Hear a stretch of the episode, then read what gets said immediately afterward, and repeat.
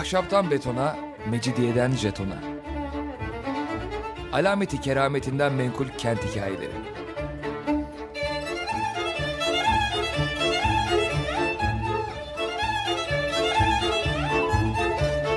Hazırlayan ve sunan Pınar Erkan.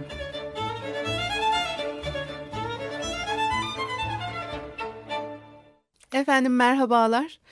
Bir haftalık aradan sonra yine birlikteyiz. 94.9 frekanslı açık radyoda ahşaptan betona, mecidiyeden jetona tam şu anda başlamış bulunmakta. Anlatıcınız ben Pınar Erkan. Elektronik posta adresim pinarerkan.yahoo.co.uk ee, bugün biraz Mecidiye jeton havası olsun. Telefonun İstanbul'a gelişiyle ilgili minik hikayeler anlatacağım. İlk telefon macerası nasıl gelişmiş, adab-ı muaşeret kuralları nelermiş ve hanımefendileri ararken nelere dikkat etmeliymiş. E, telefonu icat eden Alexander Graham Bell ve yardımcısı Thomas Watson'la 10 Mart 1876 tarihinde telefon görüşmesi yapıyor. Telefonla yapılan ilk görüşme bu. İstanbul'a telefonun geliş tarihi ise 1881. Aslında fena sayılmaz. Hatta bundan daha bile önce Sultan II. Abdülhamit'in e, sarayında telefon tesisatı kurulduğunu e, anlatırlar. Ve Sultan Abdülhamit'in Yıldız Sarayı'ndaki özel dairesidir kastettiğimiz yer. Güya telefon işliyormuş burada ama bu bilginin doğruluğunu kanıtlayacak bildiğim kadarıyla bir belge yok.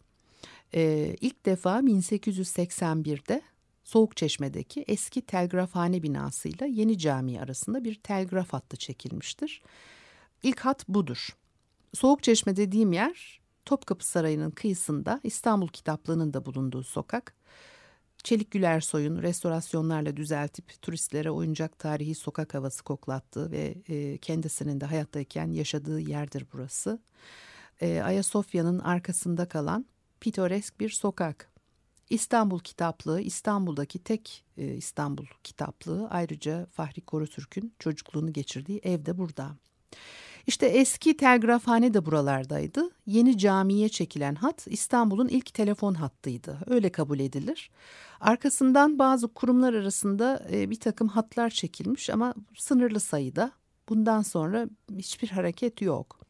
İkinci Abdülhamit hoşlanmıyor telefondan. Diğer birçok yenilikten de e, hoşlanmadığı gibi. Bu arada kurulu dediğimiz o birkaç hat da kaldırılıyor padişahın emriyle. Bir tek Galata Liman İdaresi ile Kilyos'taki tahlisiye servisi arasında hat kalmış.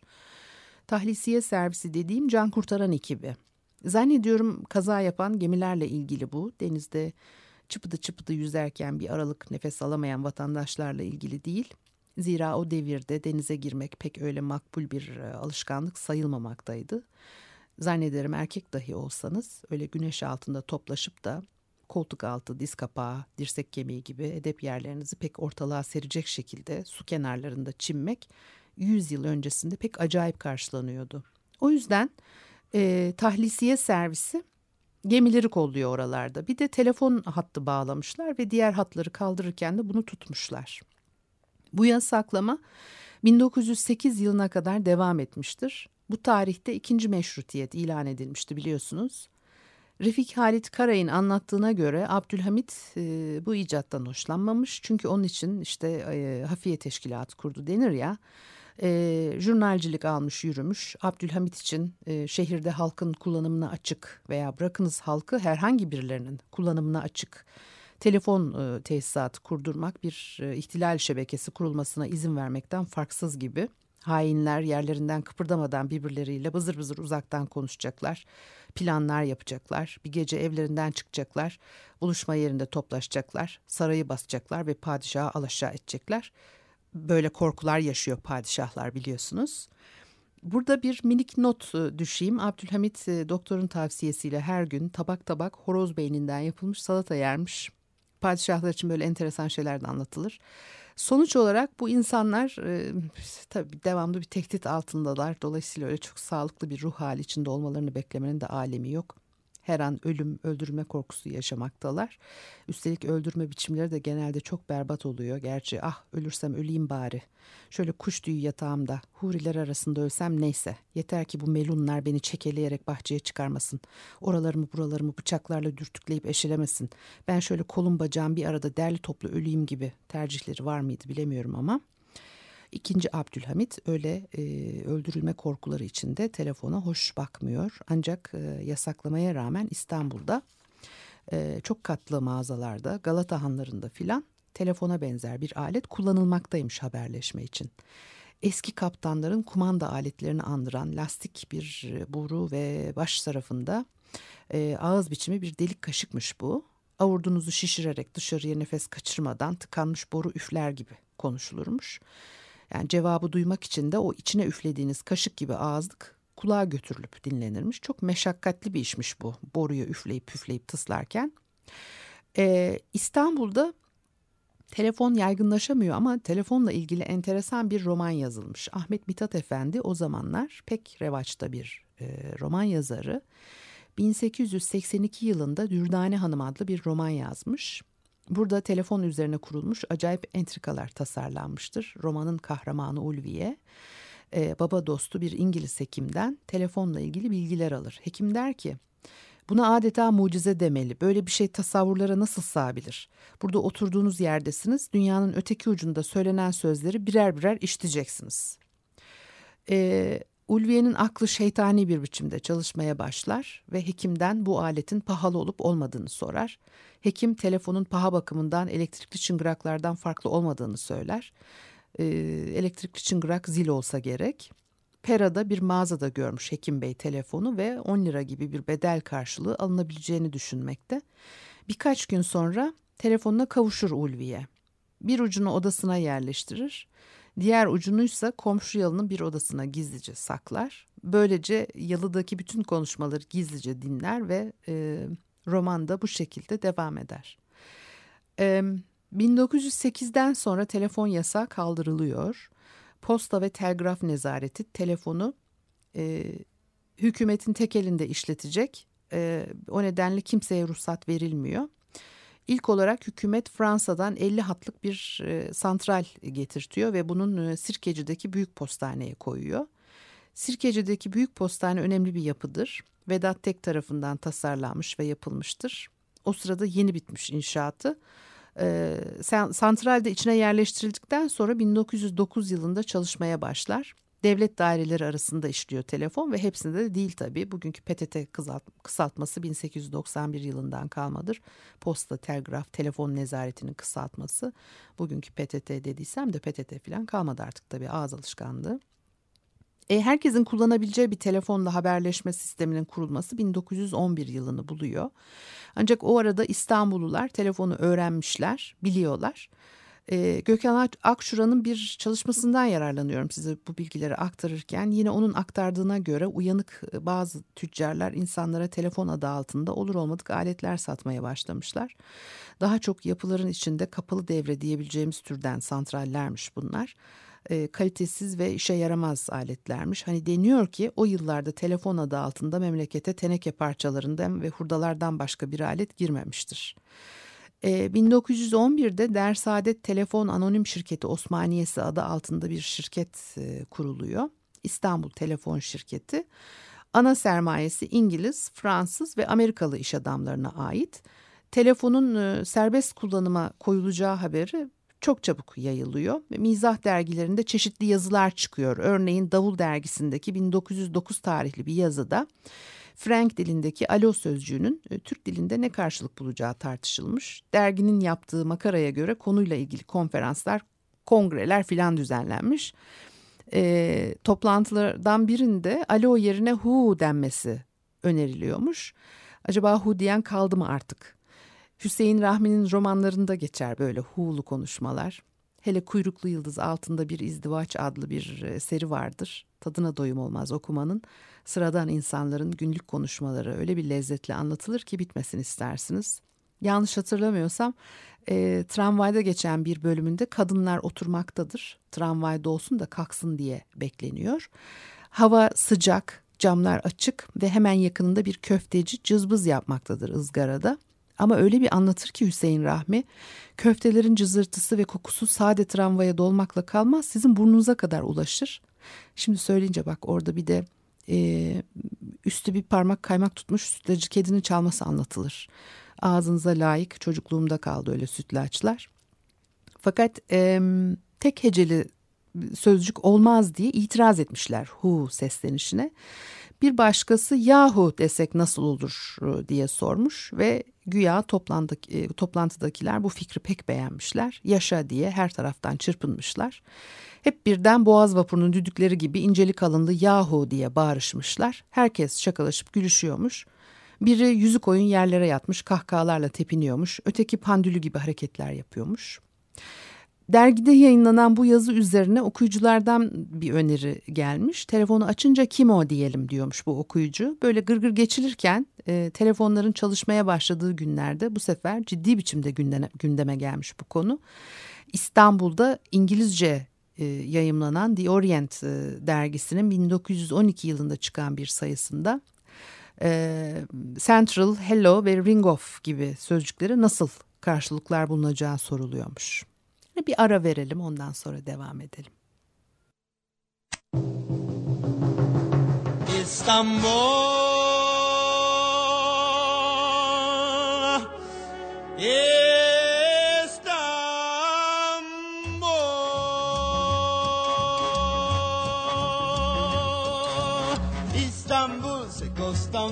C'est à Istanbul, au Constantinople que je suis allé un jour pour y découvrir le grand amour que l'on attend toujours. Istanbul, ça n'est plus l'Europe, c'est à Istanbul, au Constantinople que je l'ai trouvé. Un soir qui flânait au milieu de la foule d'Istanbul. Le mieux enchanté en haut d'un minaret.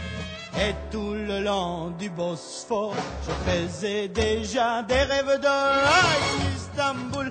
La vie était belle, c'est à Istanbul. Je me le rappelle comme mon cœur fut pris par les sortilèges de l'Asie. Je l'ai suivi dans la foule.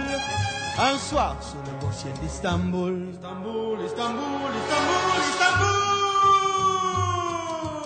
Istanbul. C'est Constantinople, c'est à Istanbul Constantinople que je me voyais déjà arrivé au paradis d'Allah qui vous attend là-bas.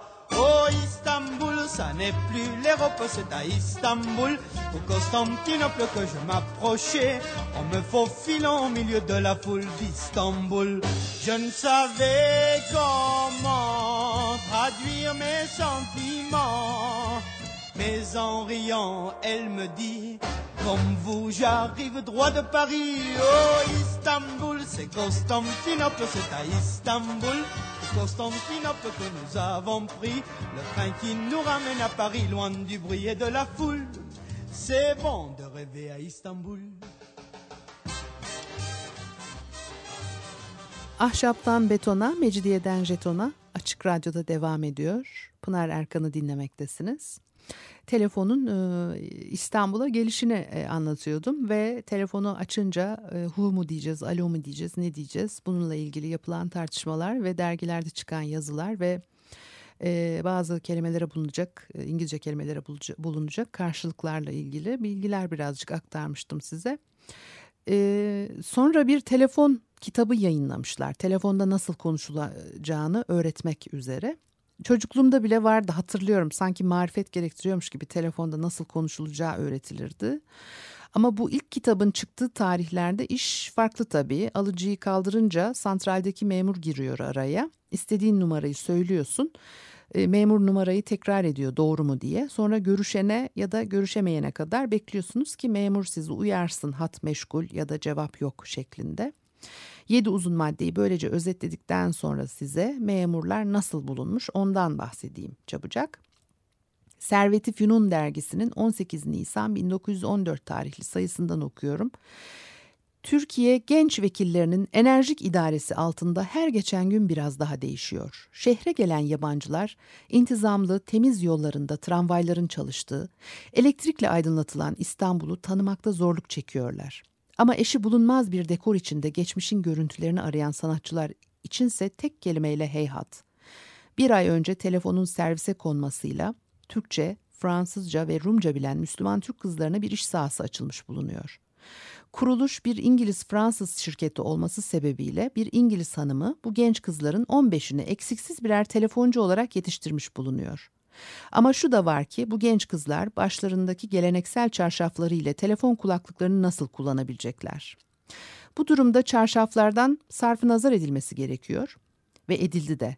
Burada onlardan 7-8 kişilik bir grubu peçesiz, yüzleri açık, servis, servis şeflerinin etrafında görüyorsunuz diye devam ediyor yazı. Altında da fotoğrafı görüyorum. Kadife ya da e, kürk şapkalı, gözlüklü, e, mürebbiye kostümlü bir kadının yanında bizim telefoncu hanımlar. E, bunlar hiç de sır, sıradan hanımlar değil. Müfettişe Bedra Osman, Mazhar Osman'ın kız kardeşi. Bediye Şekip ki daha sonra ünlü bir tiyatro sanatçısı olacak Bediye Muvahhid'tir kendisi. Seniha Hikmet, Vefika, Hamiyet Derviş diye devam ediyor. Ee, bu arada çeşitli ilanlarda telefonun e, e, kullanıldığı görülüyor. Kocanız evvelden haber vermeden kalabalık bir arkadaş grubu mu yemeğe getirdi? Falanca konserve hazır yemekleriyle tam saatinde sofrayı hazırlayabilirsiniz gibisinden ilanda da kadın kocasıyla telefonda konuşuyor. Yine Davul dergisinde çıkan bir yazıdan alıntı yapıyorum. Telefon bir kulağa çağıracak mı? İlkin elektrik zili çalınır. Kulak bunu duyar duymaz okşanmayı özlemiş bir çocuk gibi makineye koşar ve bir çekici bir çekici kuvvet onları birbirine yapıştırır. O zaman kulağın ilk işiteceği söz Frangistan'da alodur. Telefon için çapkın bir alet olduğu söylenir. Öyle ya bir genç kızı uyandırarak henüz sabah tuvaletini bile yapmasına imkan vermeden onun saçlarını aralayıp kulağına kadar sokulmak başka nasıl izah edilebilir diyor yazıda. Ne kadar e, naif şeyler. Tabii burada sabah tuvaletini almaktan kastedilen taşları olmaya başlamadan önce tülbenti kafaya sarmak değil. E, İstanbul Telefon Şirketi 1935 yılına kadar hizmetlerine devam etmiş. İlk otomatik santral İstanbul'da e, 1932 yılında açılmış. Ama Ankara'da 1925 yılından beri otomatik görüşme yapılabiliyormuş. İzmir'de bile 1928 yılında başlamış. Bir de e, telefon rehberleri var tabii. Ama o zaman rehber değil e, kılavuz olarak adlandırılıyormuş. İlk telefon e, kılavuzu 1916 yılında çıkmış ve içinde binin üzerinde abonenin e, numarası e, yer almakta. E, bir de muaşeret kuralları var. Telefonla konuşurken nelere dikkat edilmeli? Bunlar da anlatılıyor bu adabı muaşeret kurallarını anlatan kitapta. Burada bir yerde deniliyor ki işe ait bir mesele için bir zatın evine telefon etmek ayıptır. Zira hemen herkes bugünkü hayatta evinde işle meşgul olmayı sevmez. Bugünkü çok yorucu iş hayatı insanları hemen kamilen iş ile ancak iş saatlerinde meşgul olmaya, evinde ancak kati bir istirahat ihtiyacına mahkum etmiştir. Esasen evinde bir zata telefonla e, telefon edilen iş daima baştan sağma bir surette karşılanacak. Bu suretle iş sahibi maddeten zarar görecektir. Görüyorsunuz ya her devirde şikayetler hep aynı. O zamanki iş yaşamı çok yorucuymuş. Biz de şimdi öyle zannediyorduk. O zaman ne kadar rahatmışlar diyorduk. Yalnız modern çağın ilk başladığı yıllarda biz daha medeniymişiz e, diye düşünüyorum. Yani neredeyse adama hak vereceğim. Şimdiki vakitsizlik ve stres bir çeşit azgınlık ve gözü dönmüşlük eseri gibi geliyor bana. Bakın e, telefonla izdivaç, e, nikah gibi merasime davet etmek ayıpmış. Bu gibi haller için davetiye göndermek şartmış. Telefonla davet kendisine hususi davetiye gönderilmeye layık görülmediği hissini hasıl edeceği için hakaret teşkil edermiş. Ayrıca telefon e, ölüm haberini vermek için evvela haleti ruhiyenin hazırlanması lüzumunu temin etmeye asla müsait değilmiş onu da bilesiniz. Başka bir adabı muaşeret kitabında daha da iyisini yapmışlar. Telefonda konuşmak çok önemli modern yaşamda. Hatta bu konuda başarılı olmak için her gün birkaç dakikalık bir egzersiz öneriliyor. Şöyle yapınız. Ağzınızı güzelce açınız. Çenenizi ya da dilinizi kuvvetle hareket ettirerek birkaç cümle söyleyiniz. Böyle yaparsanız tembel dudaklar ve uykulu dillerden boğulmuş, yutulmuş gibi çıkan sesler çıkarmaz ve telefonun öbür ucunda bulunanı tedirgin etmezsiniz. Anlaşılır, duru bir biçimde güzelce sıralanmış sözcükleriniz dinleyicinizi hemen büyüleyiverir. Bu kitapta ne durumlarda konuşulmaması gerektiği de anlatılıyor. Ağzınızda puro, sigara, çiklet ya da herhangi başka bir yiyecek varken telefonla konuşmayınız. Yoksa öteden sizi dinleyen kimse bir hırsız tarafından yakalanıp bağlanmış olduğunuzu ve zorla konuşturulduğunuzu ya da kendisini imdada çağırdığınızı zannedebilir. Başka neler varmış telefon adabı muaşeretinde? İş ve e, vazife sahibi kadınlara iş yerinde telefon etmek caiz değilmiş. Zira muhatabınızı hemen daima iş arkadaşları ve amirleri karşısında müşkül vaziyette bırakmış olurmuşsunuz. Kocalı bir kadına e, evinde telefon etmek hem tehlikeli hem ayıpmış. Eğer münasebetiniz temiz bir samimiyetten ibaretse kadının evvela kocasıyla bir dakika görüşmek ve zevcesiyle görüşmek için delaletini istemek nezaket icabıymış. Bu suretle zevcine zevcesiyle gayrimeşru bir kur yapmakta olduğunuz şüphesini vermemiş de olurmuşsunuz. Eğer hanımefendiyle münasebetiniz aşikane ise zevci yanında telefon etmenin tehlikelerini herhalde anlamış bir olmanız lazım gelir. Diye bitirmiş e, bu faslı Muhittin Dalkılıç 1932'de yazdığı Yeni Hayat Adamına Yeni Adabı Muaşeret adlı kitabında. Eee Muhittin Dalkılıç'ın Adab-ı Muaşeret kitabından öğrendiklerimiz bunlarla bitmiyor. Bunları Gökhan Akçura'nın bir e, çalışmasından aktardım. Onu tekrar söyleyeyim. Diğer hikayelerinde başka bir programa e, saklayalım. Bu haftalık da bu kadarmış. Elektronik posta adresim e, pinarerkan.yahoo.co.uk bana bir şey söylemek isterseniz diye. Haftaya görüşmek üzere, hoşçakalın.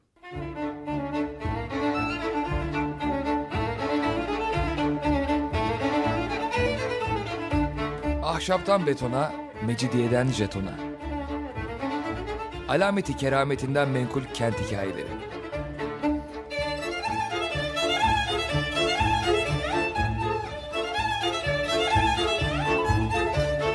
Hazırlayan ve sunan Pınar Erkan.